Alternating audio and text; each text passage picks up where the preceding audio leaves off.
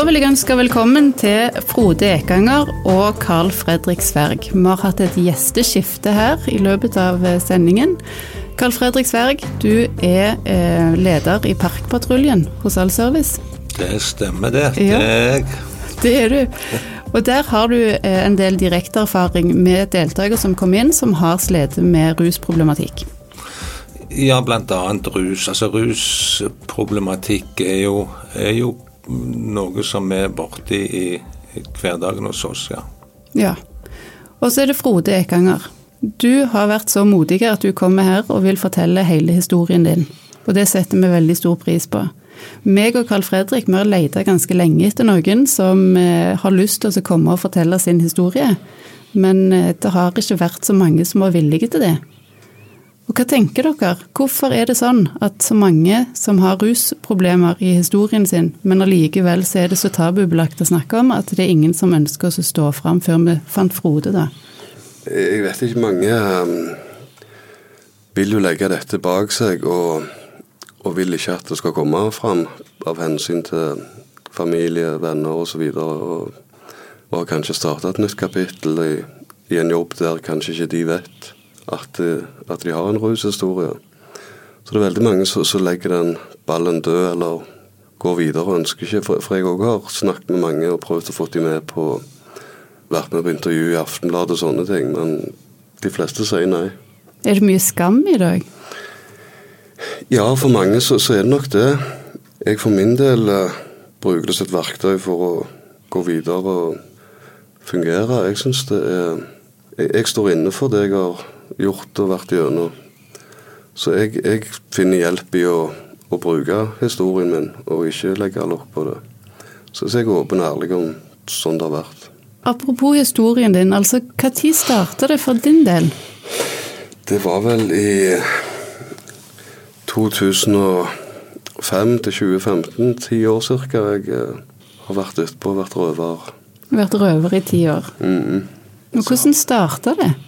Det var litt tilfeldig, faktisk. For jeg um, hadde jo ei kjekk dame, og vi hadde unge på vei og kjøpt et fint hus, og alt var greit. Jeg hadde eget firma, og ting så lyst og fint ut.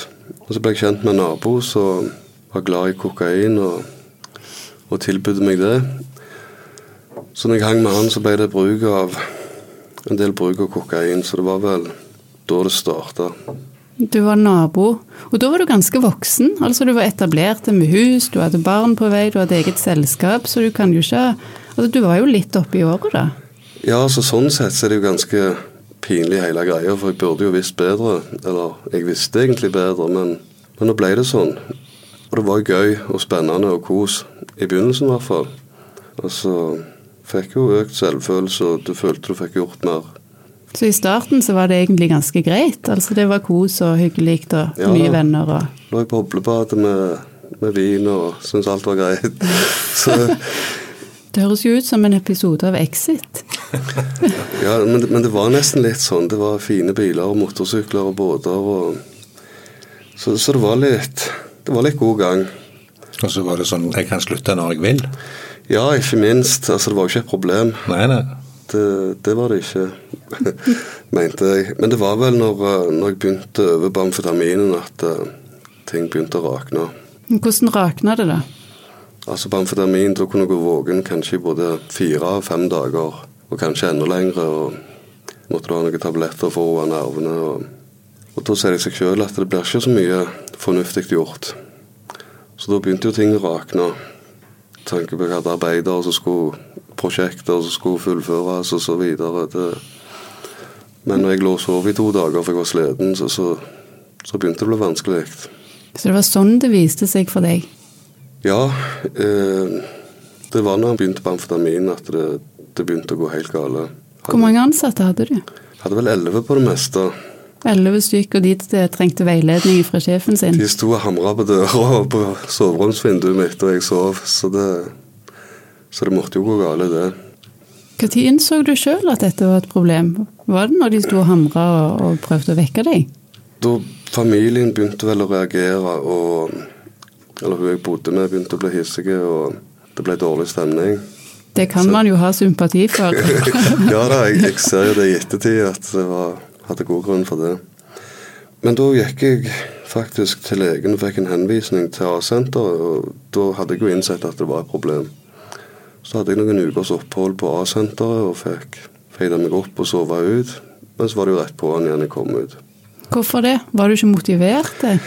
Jo da, jeg, hver gang jeg har vært enten på A-senteret eller inne til soning, så, så, har jeg vært supermotivert hver gang. Men så tar det så mye, tar ikke så mange timer etter å har kommet ut før det er på'n igjen. Hvorfor?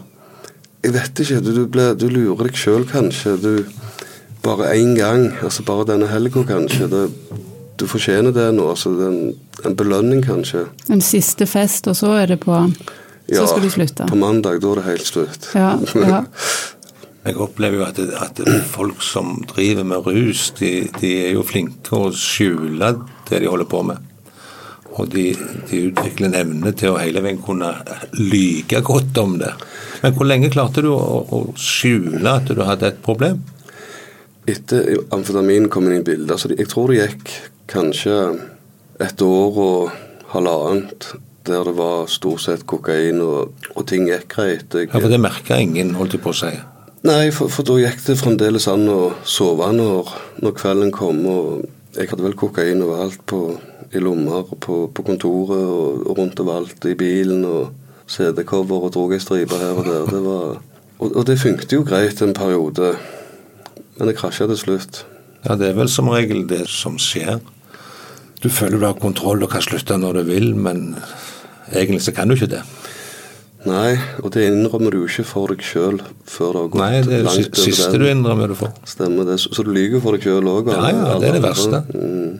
Vi opplever jo på en del av de som har vært hos oss, at de, de lyver jo som jeg tror det i hvert fall en stund. Og de tror sikkert på det sjøl, og de utvikler evne til å være veldig flinke å skjule ting og lyve, og egentlig klare å holde det skjult ganske lenge. Ja, det er jo en kjensgjerning det, at rus eh, innebærer at du selvfølgelig skal skjule for omgivelsene hva du holder på med. Det er jo ulovlig, og det er, jo, det er uglesett, og det er tabubelagt. Så det er klart at eh, Altså For å holde det gående, for å verne om rusmisbruket sitt, så må man nødvendigvis da være veldig god til å lyge og skjule hva man holder på med for noe. Men man lyver jo helst til seg sjøl. Du sier at du hadde kokain i omtrent hver bukselomme, og du hadde på CD-coveret litt i bilen og litt i mm. nattbordskuffen. Men sjøl så reagerte du ikke på at dette var gjerne litt mye kokain rundt forbi. Altså kanskje du hadde et problem allerede der? Jo, det, det, det ser jeg jo nå at uh Selvfølgelig var ikke det greit å starte dagen med, med linja. Det, det, det, sier seg sjøl, men, men jeg, jeg, så ikke sånn på det da. For, for det, det påvirka jo ikke jobben, eller følte jeg i hvert fall i den tida. Så, så, ting gikk jo rundt og fungerte lenge mens jeg holdt på. Mm. Men etter hvert, når jeg begynte på amfetamin, så mista jeg jo kontrollen. Da går det våken lenge og går i psykose og ser skygger, og det er så verre så det var ikke mulig å kombinere med eget firma og familieliv? Nei, og et stykke uti dette, da hadde jeg vel havna litt på nåla i tillegg. Dessverre. Men, men, jeg ble jo tatt en del ganger av politiet og, og, måtte inn og sone første dommen. Og da fikk jeg en god dom på to år. Og da rakna selvfølgelig absolutt alt når jeg satt inne. Da forsvant firmaet, huset, alt. Så den soninga var jo utrolig kjip. Når, når, du sitter inne og du, du får gjort noe med noe, og ting går i oppløsning, og du ser alt renne vekk. Ja, alt du kjente fra utsida var jo egentlig vekke, da. Ja. Eller med unntak av dårlige kompiser. Ja da, de, de, de er trofaste. Ja, og de ble det jo mer og mer av når du satt inne. Så. Ja, jeg ser den. Hva gjør det med motivasjonen for oss å bli rene? At eh, familien forsvinner, firmaet forsvinner, gjelden blir kanskje høyere? Og ekso er bitter og sint Nei, det, det, det, er klart det hjelper jo ikke det. Nei. Nei, jeg gikk ganske mange runder, og hver gang jeg var inne, så skulle det være Da var det slutt. Men uh, kort tid etter du kom ut, så var det du fikk kanskje en jobb mens du satt inne, du var på overgangsbolig, og så gikk det bare en liten periode. Og så begynte du å kombinere litt rus og litt jobb, og så så rakna alt igjen. Så sklei du ut. Hvor mange ganger vil du si at du har bestemt deg for at nå, nå er jeg ferdig, nå skal jeg holde opp? Jeg har vel Er det fem, fem dommer eller fem soninger? Og hver gang så har jeg vært like bestemt. Men du klarte det til sist? Ja, men, da var det rett og slett Jeg hadde gått så lenge i, i miljøet og vært med på så mye drit at jeg var metta og dritlei av folk og, og miljøet og alt som var. I løpet av ei uke så var det kanskje én og to timer som var OK. Resten var jo bare stress og kjipt. Jeg, eh, For det er vel seks år siden så hadde jeg en tur Da tok jeg et valg og gikk til legen igjen og fikk eh, en tur inn på A-senteret på avrusning. Og så hadde jeg et lite opphold på mm, Frelsesarmeen, FAB. Og så skulle jeg inn og sone i tillegg, da. Men, eh, men da var jeg rusfri når jeg skulle inn og sone og hadde bestemt meg. Det er vel seks år siden nå. Er det lett å holde seg rusfri i fengsel? Det, spørs hvor du er, men uh, du må jo være motivert, for tilgangen er der. Og spesielt på Sandøy kanskje så er åpent fengsel. Der fikk jeg tilbud om å komme på den siste dommen, men uh, men da vil jeg heller til Åna eller Stavanger, faktisk. For der er det litt strengere. Men det er jo fremdeles tilgang. Men, eh, men det er ikke så tilgjengelig. Altså, ja, fordi Det er litt interessant det du sier med at eh, da hadde du fått så nok av folk, og du hadde fått nok av miljøet. Du hadde to timer gjerne i uka som var ok, og resten var bare stress. Er det den berømte steingrunnen du snakker om da? Altså du skal falle så dypt at du er helt fullstendig ferdig, og du ser ikke en annen utvei før du er motivert nok til å faktisk klare å slutte. Ja, og så skam og dårlig samvittighet i tillegg. Altså, jeg har en guttunge som er 14 år, og i forhold til han så ønsker jeg å kunne være noe for han. Samtidig så jeg ønsket et litt mer normalt liv. Altså, jeg så jo kom ikke så mye positivt ut av den tilværelsen. Nei. Og når det ikke var kjekt lenger, så var det vel heller ikke noe vits. Og nå har du vært rusfri i seks år? Mm, godt vel seks år, ja. Og hva gjør du nå? Hvordan ser livet ditt ut? Det, det ser mye ryddigere ut, i hvert fall. Jeg er ganske aktiv i Røde Kors, nettverket til soning. Og så jobber jeg i et bofellesskap i Stavanger kommune. Og så studerer jeg. Ja, det var jo mye aktiviteter. Ja, det, det har, blitt, si. det har blitt ganske travelt. Ja. Er det en av nøklene, vil du si?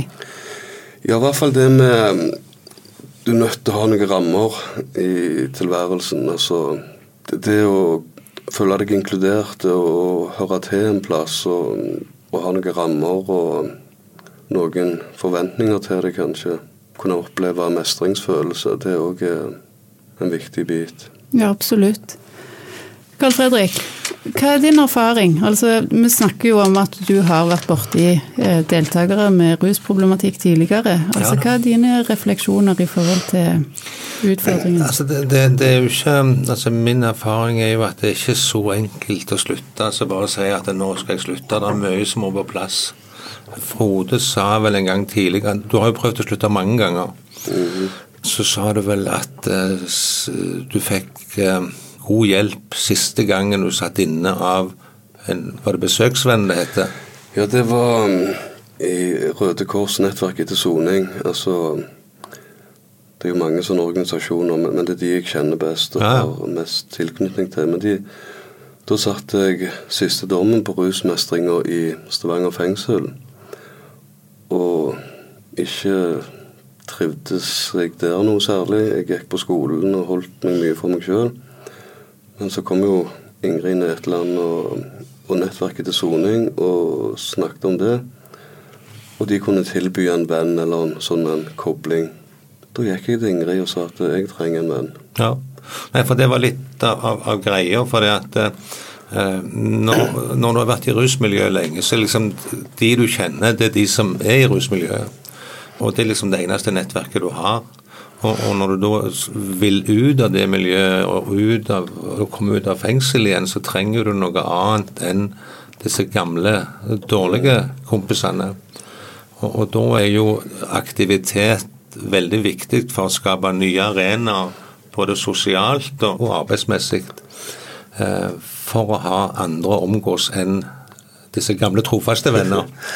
og, det, og det er akkurat det som er litt unikt med, med nettverket til soning, at de henter deg mens du er inne til soning. Ja, og det at du får en kobling, en som er med og drar deg i rett retning, og får deg inn i et sunnere miljø og aktiviteter. Ja, for det ble liksom en, nesten den eneste vennen du hadde når du kom ut igjen? Ja, og mens jeg satt inne, så kom han jo og besøkte meg en gang i uka i fengselet. og Anders het han forresten. Men, han, men det ble høydepunktet i uka mi. Det, det var ja. den timen han kom, og så snakka med en oppegående, nøktern og hyggelig kar. Det var Ja, for han ble liksom din, din bro over til andre, det ja, nye livet. Stemmer det å prate om, om aktiviteter som var på utsida, som vi hadde mulighet til å finne på når jeg kom ut. Det som vi får eh, av tidligere rusmisbrukere, de må jo da være rusfrie, da. Eh, selv om vi vet at eh, det er ikke beine veien fra rus til det å ikke være rusa seg. Altså, Det er noen sånne sidesteg. Du skal prøve noen ganger? Ja, det er noen steg tilbake, sånn som ja. Frode har hatt. Og det, det, må vi akseptere, at det, av og til så må du ta et steg tilbake igjen.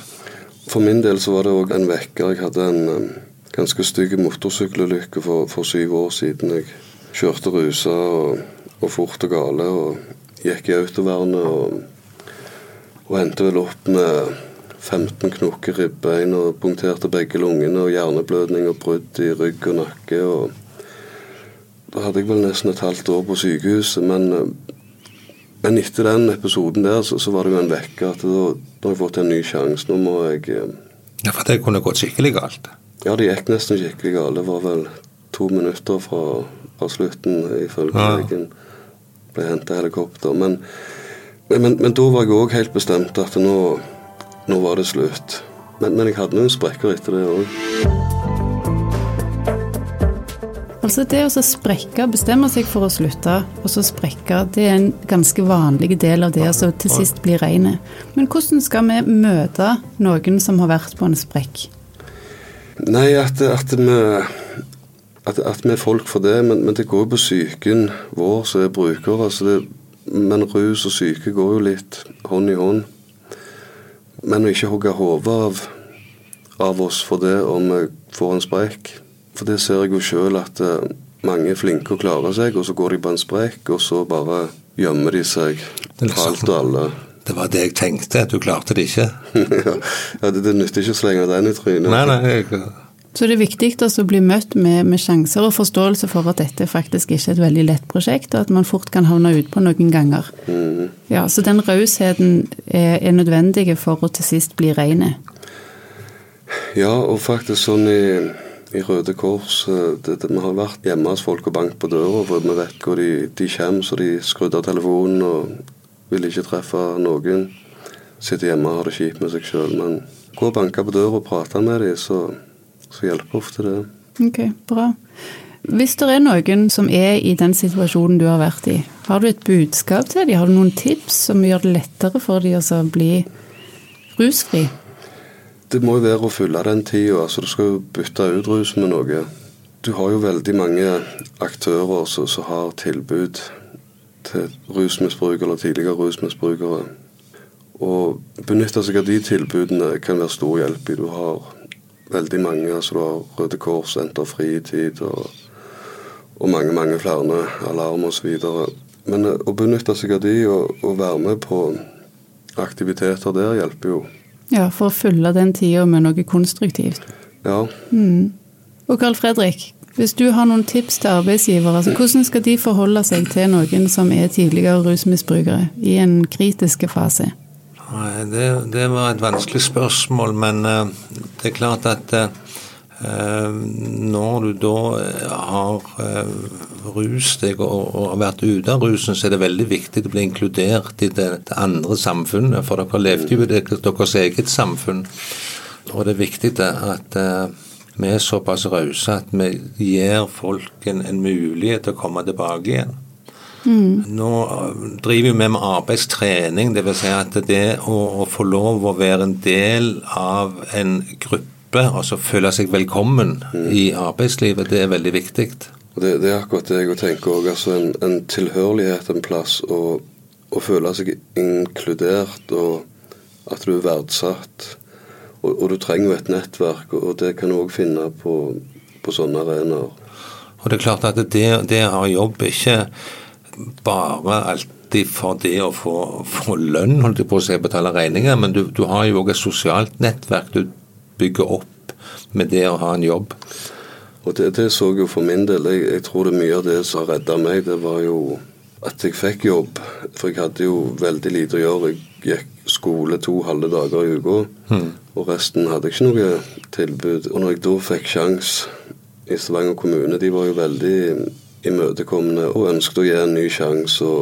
Så, så de dømmer meg jo ikke i det hele tatt og, og åpna dører for meg. Men, men jeg begynte å jobbe i det bofellesskapet, så var det så kjekt å omgås normale, kjekke folk og snakke om normale ting. Så jeg tok jo så mange vakter jeg fikk, og det var mye kjekkere å være på jobb og være i lag med de enn, enn å sitte hjemme alene. Ja, bare for du kan, Da har du noen å radle med, så du kan diskutere Stemmer det. motorsykkel eller fotball eller hva som helst. Ja, det, det gikk liksom ikke i politi og narkotika. Nei, nei. Og jeg syns det er veldig interessant det dere begge to sier i forhold til dette med verdighet, gi sjanser, eh, ikke hogg hodet av noen hvis de har seg en sprekk. Det dere formidler er jo bare å, å se personen som en person med et problem. Og hvis du leser studier som jeg har lest tidligere, jeg kan ikke referere konkret til det nå, men og eh, rusmisbrukere jeg har snakket med sjøl, sier at de har så mye negative erfaringer både eh, ved legebesøk, at de ikke blir sett på som noen legen tar seriøst og på alvor. De blir møtt med lite empati der ute, fordi at det, de blir møtt på en måte som signaliserer at du er skyld i dine egne problemer. Du er ikke til å stole på, du er en potensiell fare. Vi er ikke interessert i deg, og så blir de skutt ut på sidelinja.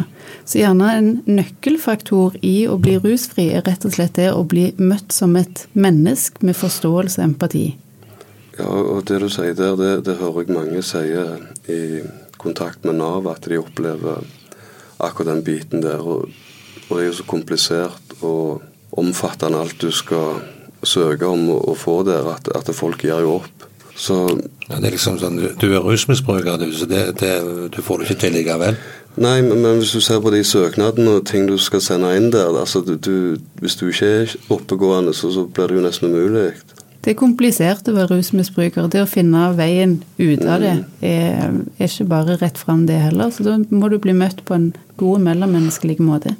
Men samtidig så er det jo mye hjelp du kan få underveis òg på, sånne konkrete ting. Altså Du fikk jo hjelp på nettverk etter soning i Røde Kors, og det er mange sånne eh, både ideelle organisasjoner som driver med, med arbeid for å hjelpe rusmisbrukere tilbake igjen. For det er jo ikke sånn at du, du, du slutter med rus på fredag, skal du begynne på, på mandag. Dette er en prosess som tar litt tid. Stemmer det. Men, men der, der var det jo f.eks. sånn som nettverket til soning. Der får du en kobling, og han og den koblingen kan være med deg altså, hvis du skal i retten, eller på Nav, eller til ruskonsulent. Så de er jo med og går veien, og det, det er det stor hjelp i. Det å, å, å holdt på å si, slippe fra fengsel uten legitimasjon og faktisk klare å få et pass tilbake igjen, og og, sånne enkle ting Ja, som i utgangspunktet kan være veldig komplisert. ja det, det er jo det. Spesielt når du kommer fra soning eh, ut fra rusen, så er jo så er jo psyken ikke helt opp som regel, og du er litt frynsete i, i nervene. og Ja, ja. Altså, hvis du har sittet inne bare noen måneder, eller et halvt år eller ett år, så bare, bare ta deg en tur på Kiwi er, er tungt, altså. Det, du føler det lyser, det lyser over av deg. Det, ja, for når du da går ute i, i holdt på å si, samfunnet igjen, så, så føler du at jeg kan se på deg at du er rusmisbruker og ja, du, du, og du, du blir prega av å sitte innelåst på ei celle. Det, det, det er det ingen tvil om. Du, du, du blir frynsete i nervene og usikker og Ja, det, det er ikke noen god følelse. Det tar lang tid å, å få de tingene på plass. ja. Føler du deg ekstra utsatt da når du kommer ut igjen? Altså at det bare har blitt eh, underbygd at du, ikke, at du er en del av utenforskapet? Ja, så lenge du ikke har ting på plass, i hvert fall. Men, men ja, det, det, er en, det er en prosess du skal gjennom fra, fra du kommer ut fra behandling eller, eller fengsel, og, og komme inn i vanlige rutiner. Det, som sagt, bare en tur i butikken er, er knallhardt. Og en tur med bussen òg er, riktig ubehagelig, for å si det rett ut. Mm. Noen siste ord før vi avslutter? Ja, Litt tilbake til det du egentlig spurte om, som jeg sikkert ikke svarte på. Men, men jeg tror nok det som er jeg opplever som veldig viktig, det er, er aktivitet. Altså du, du må eh, For å lykkes, tror jeg, eh, så må du ha aktivitet. Så, så, så Frode sier du må fylle det tomrommet av tid med noe som er eh, gjerne uvant for deg eller ukjent for deg. Du må fylle livet med ny mening. Ja, for det, det, liksom, det, det, det er ting du ikke er vant til å gjøre. Gå på trening, eller være med i turgrupper, eller det å komme tilbake til arbeidslivet. Og det er faktisk ikke mangel på tilbud nå. Hva, hva var det jeg hørte? Jeg snakket med en Blå Kors i går, og det var vel 90 tilbydere for um, Så det er, det er nok av tilbud og plasser å gå, men, men det er liksom det å komme seg over dørterskelen når du sitter hjemme alene, litt frynsete. altså hva er det Ingrid sier? Altså, du, du, du gidder ikke reise på hyttetur med folk du ikke vekker med eller kjenner. Altså, det, det, å treffe en haug med nye folk på en ny arena, det Men det kan jo være viktig. Nå, nå sleit du med med å finne personer med brukererfaring som kunne være med og, og stå fram i en podkast. Altså, det er jo òg veldig viktig at du som er tidligere rusmisbruker, eh, bruker din erfaring til å, å hjelpe andre og banke på døra til folk eh, som er i nettverket, og, og få de ut når du vet at de har det litt kjipt. Og det, det er jo like mye for min egen del, faktisk. For jeg, jeg føler jo at eh, det hjelper meg sjøl òg at jeg kan bruke all denne her dårlige erfaringen til, til noe positivt. Men jeg er sikker på at han du drar ut av leiligheten for, for med å gå en tur. Han er, veldig takknemlig Ja etterpå. da, så det er jo vinn-vinn sånn sett. Men, men, men det er jo tanken med, med utdannelsen og jeg, jeg ønsker jo å jobbe med, med å hjelpe andre og kunne bruke erfaringen min til, til å hjelpe andre. Og det gjør meg mye. Ja, Det tror jeg er kjempeviktig. At Absolutt. det er, er personer som har den eh, brukererfaringen, og ser det fra den sida, kan bidra inn i å hjelpe andre. For den enkelte så tror jeg òg at det er viktig å vite at det kom noe godt ut av det òg. Stort sett negativt med de ti årene i rusen, men du drar i hvert fall noe nytte av det i seinere tid. Ja, og da, da føles det ikke like meningsløst på en måte. Altså, ikke det at jeg forsvarer det, men, men da kan jeg i hvert fall bruke det til noe, om ikke mer. Ja, Du får ikke endre fortida, er så liksom du det. kan bare gjøre det beste ut av det. Ja, nei, altså det, det å kunne gjøre noe fornuftig med, med tida, og så føle at, du, at det er en mening med det du gjør, at du betyr noe for andre, det, det føler jeg er viktig for meg i hvert fall. Ja, og gjerne ikke gi opp i første motbakke. Nei, og de, de, de fleste rusmisbrukerne ønsker vel å slutte. De, de ser jo det for seg at, at de skal ikke ende som rusmisbrukere. Og de er i behandling og går på en sprekk, men, men, men jeg ser jo veldig mange lykkelige historier, altså folk som var totalt ubrukelige, som jeg ikke hadde tro på i det hele tatt, ser jeg jo har fått seg familie og jobb og, og hjem. Så det, det er håp for de aller fleste, så det, det, det er det. Og Det syns jeg var positive avsluttende ord. Det er håp for de fleste, og du skal ikke gi opp bare fordi at du går noen skritt tilbake og havner på en, en sprekk. Det går an å prøve på nytt. Og til arbeidsgivere der ute, vær rause og gi mer enn den ene sjansen. Er det oppsummert? Det tror jeg er godt oppsummert, ja. Fornøyd er jeg. Da sier jeg tusen takk for at dere kom. Tusen takk spesielt til deg, Frode, som valgte oss å dele av livshistorien din. Hyggelig. Takk for at jeg fikk komme. Ha det bra.